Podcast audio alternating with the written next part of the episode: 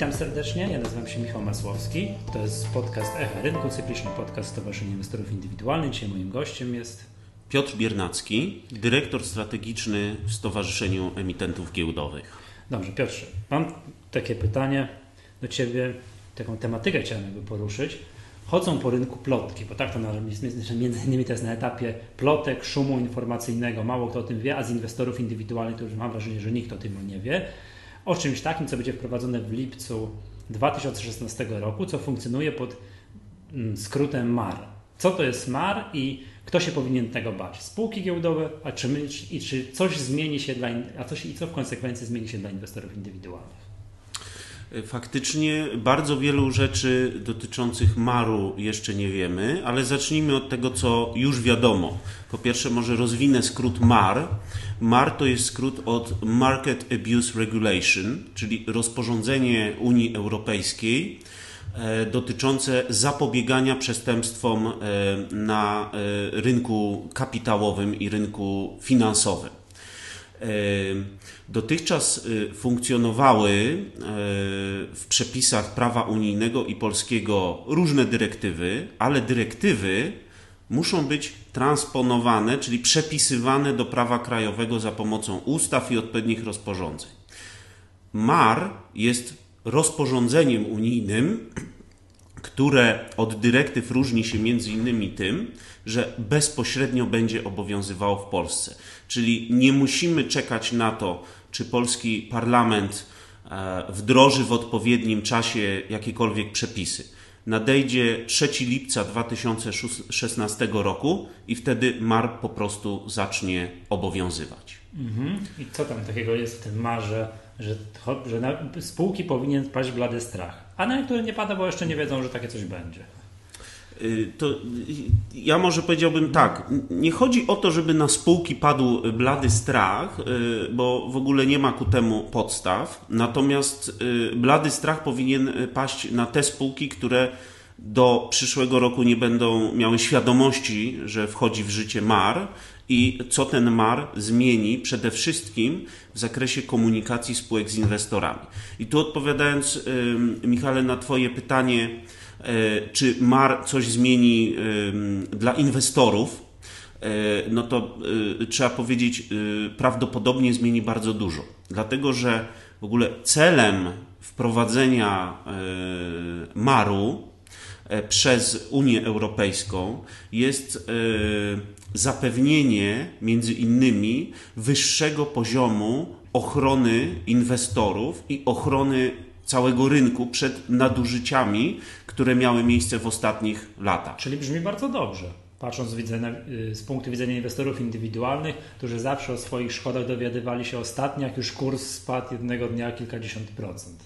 A przedtem ci inwestorzy indywidualni, no niedoświadczeni, niedoinformowani, z reguły o czymś tam bardzo złym w spółkach nie wiedzieli. Czyli to zmiana ku dobremu. Zmiana ku dobremu. E, cel jest bardzo szczytny, tylko musimy pamiętać, że e, nie istnieje żaden e, unijny organ usadowiony w Brukseli, który od 3 lipca zapewni, że na rynku nie będą następowały żadne nadużycia. Dlatego, że wykonywanie maru leży oczywiście w dużej mierze po stronie spółek, po stronie profesjonalnych uczestników rynku, czyli firm inwestycyjnych, domów maklerskich, także inwestorów. Natomiast nadzór nad tym, czy MAR y, będzie przestrzegany, leży po stronie krajowych e, instytucji nadzorujących rynki, czyli w Polsce oczywiście po stronie e, Komisji Nadzoru e, Finansowego. Mhm.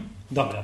No i jakieś myśmy mogliśmy przykłady podać. Co MAR wprowadza dla spółek? Dlaczego dzisiaj już ajarowcy ze spółek publicznych powinni zacząć się tym interesować?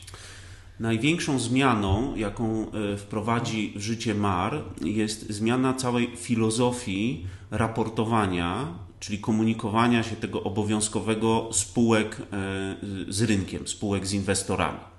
Dzisiaj, jak wszyscy wiemy i do czego jesteśmy od wielu, wielu lat przyzwyczajeni, taką kluczową podstawą do raportowania jest ustawa o ofercie publicznej i przede wszystkim rozporządzenie w sprawie informacji bieżących i okresowych. Słynne rozporządzenie, bez którego nikt nie jest w stanie stwierdzić, co trzeba raportować, a czego nie. Dokładnie. W tym rozporządzeniu mamy taki bardzo wygodny z punktu widzenia spółek katalog kilkudziesięciu sytuacji, co do których nie ma żadnych wątpliwości, że po prostu spółka musi zaraportować umowa znacząca, nabycie, zbycie znaczących aktywów itd. Tak itd. Tak Oczywiście e, ten katalog e, był bardzo cenny dla polskiego rynku kapitałowego. Jak rynek się rodził, był w okresie szkoły podstawowej, liceum, może studiów, no ale nasza giełda, która powstała w latach 90., osiągnęła już, można powiedzieć, dojrzałość i można się zastanowić, czy takie instrukcje są potrzebne.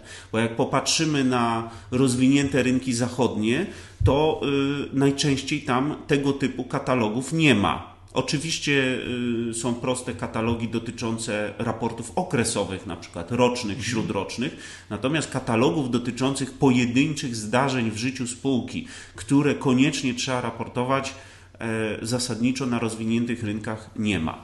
Wraz z wejściem tego maru będzie tak, że ten katalog znika. Katalog, e, katalog znika. Co, I co nas katalog czy czeka znika. nas zalew informacji, czy kompletna cisza informacyjna ze strony spółek? I tu właśnie dochodzimy do istoty, e, czyli do informacji poufnych, tak jak one są definiowane w marze.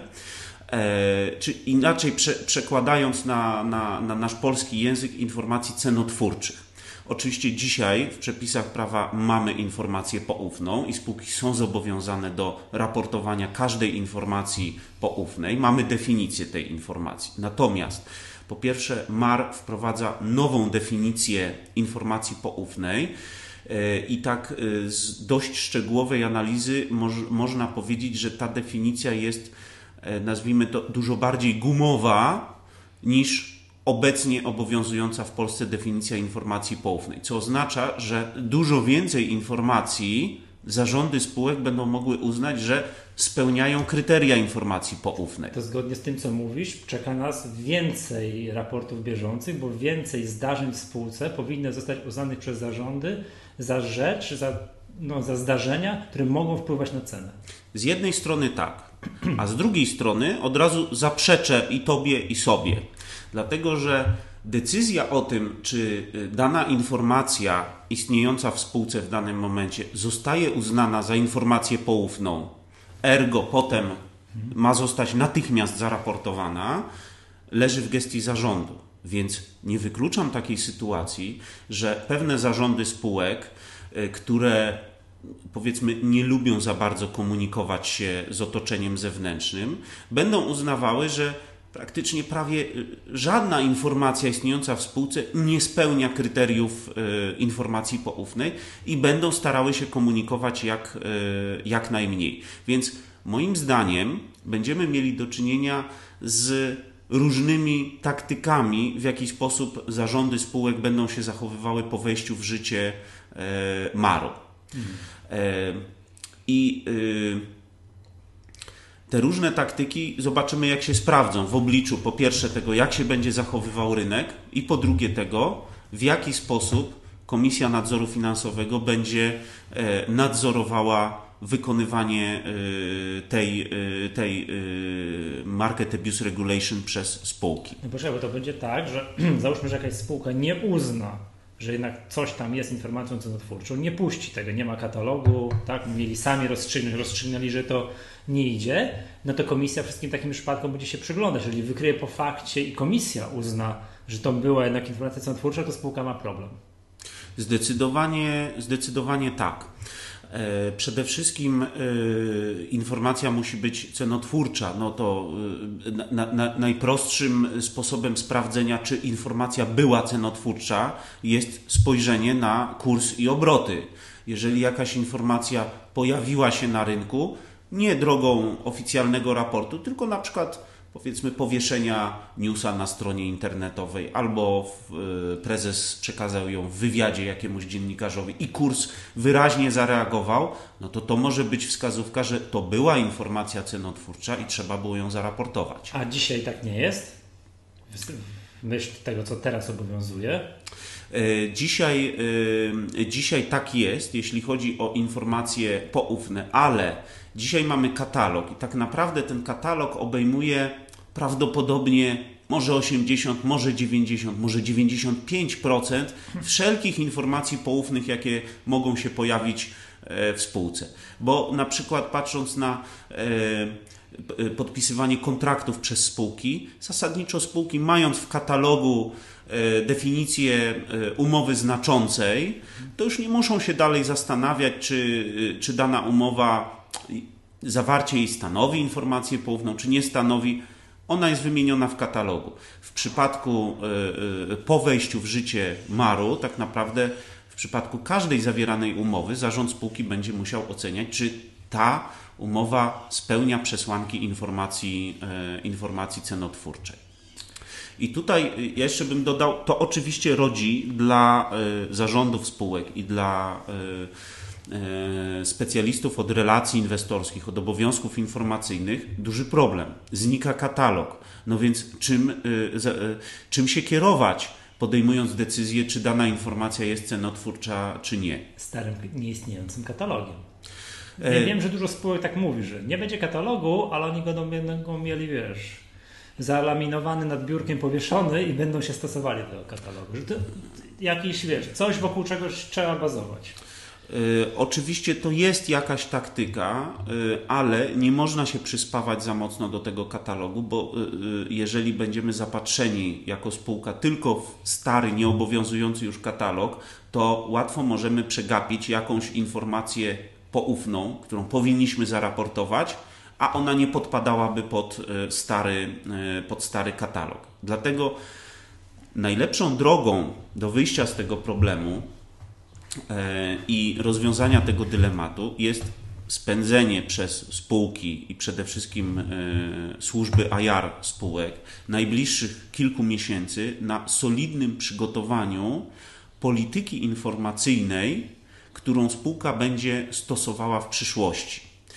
E, czym może być taka polityka informacyjna?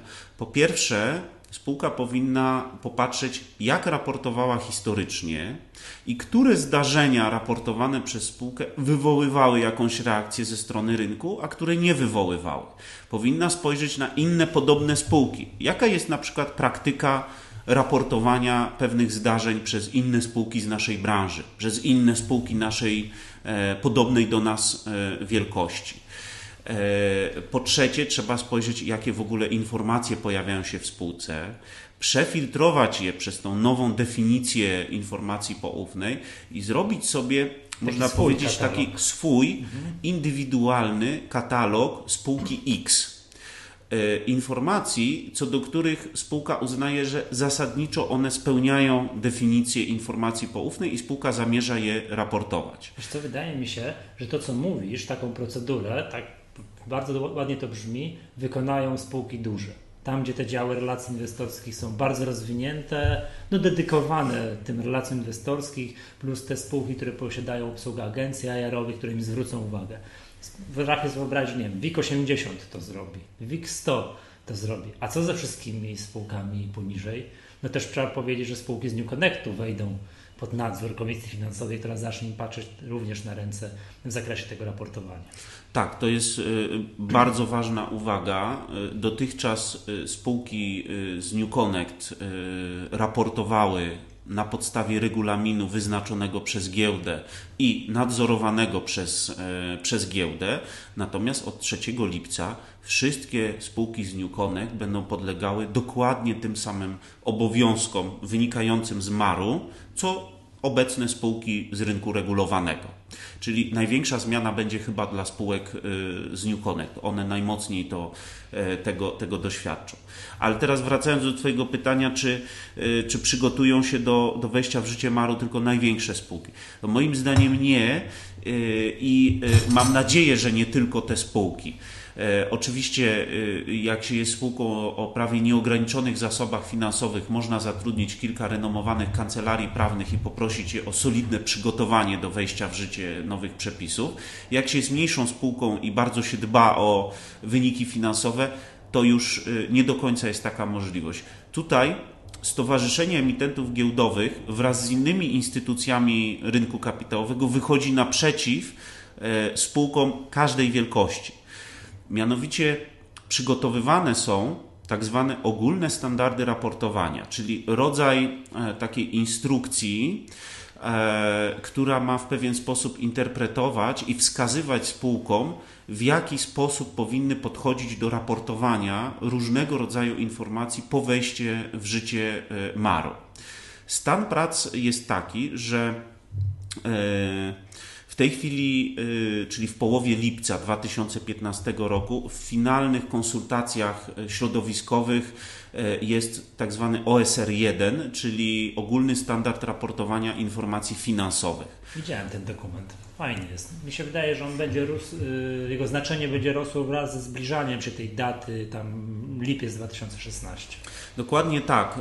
Mamy nadzieję, że w ciągu najbliższych kilkunastu tygodni już prace zostaną zakończone i on zostanie oficjalnie opublikowany. I w tym momencie każda spółka będzie mogła przeczytać ten OSR pierwszy. To jest materiał długości około 20 stron, napisany dość prostym językiem, trochę innym niż język dyrektyw i rozporządzeń unijnych. Więc nie trzeba być profesorem prawa, żeby, żeby przeczytać OSR pierwszy. I na bazie tego OSR-u pierwszego spółka będzie mogła przygotować, bądź samodzielnie, bądź we współpracy ze swoimi doradcami, ISR, czyli indywidualny standard raportowania. Czyli to, o czym mówiłeś wcześniej. Tak. Każda spółka mieć taki swój. Taką politykę informacyjną. informacji poufnych. Tak. I teraz, y, co można będzie zrobić z tym ISR-em? Po pierwsze, y, można go sobie powiesić w spółce i stosować jako swój wewnętrzny katalog, i zawsze na początku patrzeć na ten ISR pierwszy i zastanawiać się, czy dana informacja pasuje nam. Jeżeli pasuje, to kończymy jakiekolwiek dywagacje i raportujemy. Jeżeli nie pasuje, no to roz, ro, rozważamy wtedy indywidualny przypadek. Po drugie, i do tego y, bardzo będziemy zachęcali spółki, można bądź cały ISR, bądź jego fragment opublikować na stronie internetowej, po to, żeby inwestorzy mieli wskazówkę, jakie informacje dana spółka uważa, zasadniczo za e, informacje poufne czy cenotwórcze. Czyli krótko mówiąc, jako spółka będziemy mogli powiedzieć inwestorom: Drodzy inwestorzy, my działamy w takiej w takiej branży, jesteśmy tej tej wielkości spółką, mamy taki charakter biznesu i z doświadczenia ostatnich lat na giełdzie, patrząc na branżę, patrząc na Wasze zachowanie, uważamy, że, że powinniśmy raportować na przykład każdą e, umowę z kontrahentem o wartości przekraczającej taką i taką kwotę. 5%. Na przykład 5%, Bo jeżeli to, to jest, jest tak istotne. rozdrobniony rynek, że 5% umowa to już jest e, znacząca dla danej spółki. Dokładnie na tak. Na pewno będziemy. Teraz jest 10, przypomnijmy. Tak. Na, na, na pewno będą duże różnice w, w ISR-ach pomiędzy spółkami z różnych branż, co wynika chociażby z tego, że charakter prowadzenia biznesu przez na przykład spółkę z branży deweloperskiej jest zupełnie inny od spółki zajmującej się handlem hurtowym czy detalicznym, nie mówiąc już o instytucjach finansowych typu banki czy, czy zakłady ubezpieczeń, gdzie dla inwestorów zupełnie inne pozycje z zupełnie innego sprawozdania finansowego są, są istotne. Więc OSR pierwszy wkrótce zostanie opublikowany. Zaczęły się też prace nad e, najważniejszym chyba z serii OSR-ów, czyli OSR-em drugim, który będzie dotyczył raportowania informacji pozafinansowych, czyli tego, co dzisiaj jest ujęte w katalogu w rozporządzeniu. To chyba będzie najobszerniejszy i najistotniejszy dla rynku z tych, z tych OSR-ów.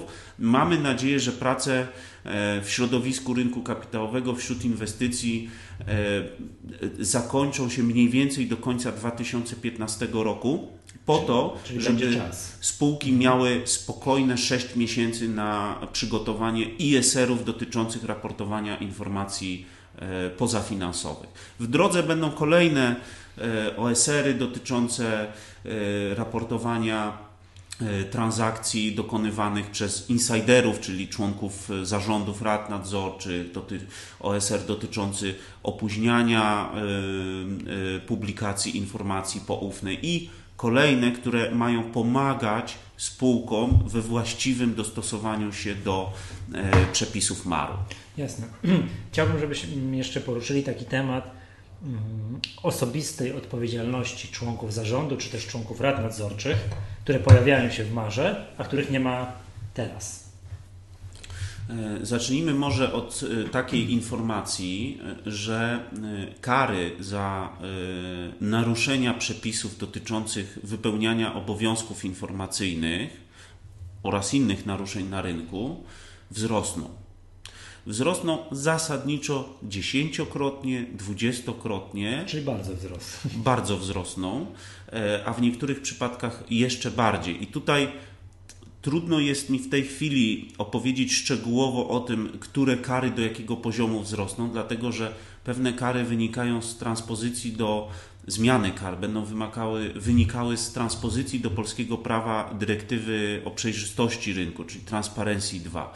Pewne będą wynikały z transpozycji dyrektywy MAD, czyli Market Abuse Directive, a niektóre bezpośrednio z Market Abuse Regulation i pewnych przepisów y, prawa, prawa krajowego. Ale MAR wprowadza pewne minimalne poziomy e, kar, które, kar administracyjnych, dodajmy to, e, które powinny obowiązywać w każdym państwie członkowskim. E, Kary administracyjne, przypomnę, to są kary nakładane bezpośrednio przez Komisję Nadzoru Finansowego. Dokładnie, To się nie ociera nawet o sąd, od razu. Tak Nie, y, oczywiście cała odpowiedzialność karna y, w dalszym ciągu, ciągu obowiązuje, tylko że tam mamy no, taką klasyczną odpowiedzialność karną, tak? czyli pojawia się prokurator, akt oskarżenia, sąd, odwołania, mijają lata i w końcu jest wyrok sądu prawomocny. Natomiast y, kary administracyjne są nakładane bezpośrednio przez KNF. Oczywiście jest procedura przed sądami administracyjnymi odwoływania się od tych, od tych kar, ale zasadniczo kary administracyjne są narzędziem szybszego reagowania bezpośrednio przez organ nadzoru na e, nadużycia, które się pojawiają, e, pojawiają na rynku. I tutaj warto wspomnieć, że mm, w niektórych przypadkach e, kara za niewłaściwe, nazwijmy to tak potocznie, niewłaściwe wykonywanie obowiązków informacyjnych e, przez spółkę. Dotychczas też była e, przewidziana odpowiedzialność administracyjna członków zarządu, ale ona była na przykład ograniczona do wysokości maksymalnie 100 tysięcy e, euro. Ten poziom wzrośnie do 1 miliona euro. A wydaje mi się, y, że y, A są minimalne poziomy też tych kar, bo to bym powiedział, że coś, jakaś kara wzrośnie do miliona euro, a mogą być, są jakieś minimalne poziomy nakładane również? nie ma, bo jeżeli No. komisja uzna, że jakieś naruszenie było bardzo y, powiedzmy błahe. nieistotne albo były bardzo duże okoliczności łagodzące, Mhm. no to po prostu odstępuje od, od, od, od nałożenia, nałożenia takiej, takiej kary. Y, Natomiast y, y, no, ważąc szereg czynników, w tym przede wszystkim wpływ danej osoby, e, powiedzmy członka zarządu na to, czy dany obowiązek informacyjny został prawidłowo wykonany, czy został naruszony, no to decyduje gdzieś pomiędzy zerem a e, tą, e, tym poziomem maksymalnym kary. No i e, tu musimy chyba stwierdzić, że poziom maksymalny tego zagrożenia, czyli 1 milion euro, byłby odczuwalny no, chyba przez e, każdego członka zarządu czy prezesa spółki giełdowej e, w Polsce. Co warto jeszcze wskazać, co jest nowego, co, co- nowego wejdzie w przepisach od przyszłego roku, to jest odpowiedzialność administracyjna i możliwość nakładania kar administracyjnych za niewłaściwe wykonywanie przez spółkę obowiązków informacyjnych na członków rad nadzorczych. To jest nowość. To jest nowość. Dotychczas bezpośrednio, osobiście członkowie rad nadzorczych nie byli zagrożeni karami z tego tytułu. W tej chwili będą w wysokości do, jeśli dobrze pamiętam, 50 tysięcy euro. No, sam fakt, bo przypomnijmy, ja pamiętam na przykład afera, znaczy afera, tak sprawa toksycznych opcji, gdzie praktycznie no, członkowie rad nadzorczych umywali ręce, że ja nie wiedziałem, tak, to działo się poza mną, gdzie nie byłem należycie informowany i tak dalej. No to w świetle tego, co mówisz, ta sytuacja się zmieni, to taki członek rady nadzorczej może zostać ukarany przez komisję za niedostateczny nadzór nad spółką. Dokładnie tak. Mam nadzieję i, i, taką nadzieję wyraża wiele osób na rynku, że y, będzie pewien efekt odstraszający tych kar i mobilizujący rady nadzorcze do tego, y, żeby y, trochę lepiej niż dotychczas przyglądały się w niektórych spółkach temu obszarowi tak zwanego compliance'u giełdowego, czyli tego, jak spółki wykonują swoje, swoje obowiązki informacyjne. Mhm, dokładnie. Dobrze, a jeszcze powiedzmy, że coś z punktu widzenia inwestorów się zmieni. Czy inwestor indywidualny też powinien się, no bo już powiedzieliśmy na, na samym początku, że to jednak pozytywna zmiana jest, ale czy powinni się również bać jakiegoś, jakiś kar, czy inwestor indywidualny może dostać za wiem, ujawnienie jakiejś informacji karę, czyli za nieujawnienie informacji, której przed posiadaniem to może, może się narazić Komisji Nadzoru Finansowego. Y, zdecydowanie y, jest też odpowiedzialność bezpośrednio nałożona na inwestorów, chociażby y, w rozdziale MAR-u dotyczącym, dotyczącym manipulacji instrumentami finansowymi. To nie jest jakaś bardzo duża nowość w stosunku do obowiązujących przepisów, bo, ale pamiętajmy, że E, manipulacją instrumentem finansowym bądź usiłowaniem manipulacji instrumentem finansowym jest też na przykład e, publikowanie w środkach masowego przekazu, a także w internecie e, nieprawdziwych, niesprawdzonych informacji bądź plotek po to, żeby no, krótko mówiąc, zamanipulować ceną bądź wartością instrumentu, instrumentu finansowego. To jest oczywiście zakazane dzisiaj, będzie zakazane e, na, na mocy e, Market Abuse Regulation, natomiast kary za e, manipulację i usiłowanie manipulacji instrumentami finansowymi w marze także rosną. Więc krótko mówiąc, takie słowo do inwestorów, musimy uważać na to, co i w jaki sposób publikujemy, czy to na prowadzonych przez nas blogach, czy na forach dyskusyjnych, czy w innych mediach e, społecznościowych. Dobrze, to chyba byśmy, to wszystko by chyba było, tak mi się wydaje, że troszeczkę z jednej strony nastraszyliśmy, a z drugiej strony, jeżeli to trochę rozjaśniło to, co powiedziałeś, jeżeli spółki podejdą do tego serio i te swoje prywatne, takie lokalne ISR-y zaczną publikować, to inwestorom wbrew pozorom może się jednak rozjaśnić politykę informacyjną spółki. To tak patrząc, jeżeli przestudiuje taki SR, to wie, że jeżeli spółka milczy, to żaden, żadne wydarzenie z tego katalogu wymienione przez spółkę na jej własnej stronie internetowej nie miało miejsca. Czyli jest spokój. Jeżeli się coś dzieje, to ja dokładnie wiem, czego mogę się spodziewać, jakiego komunikatu.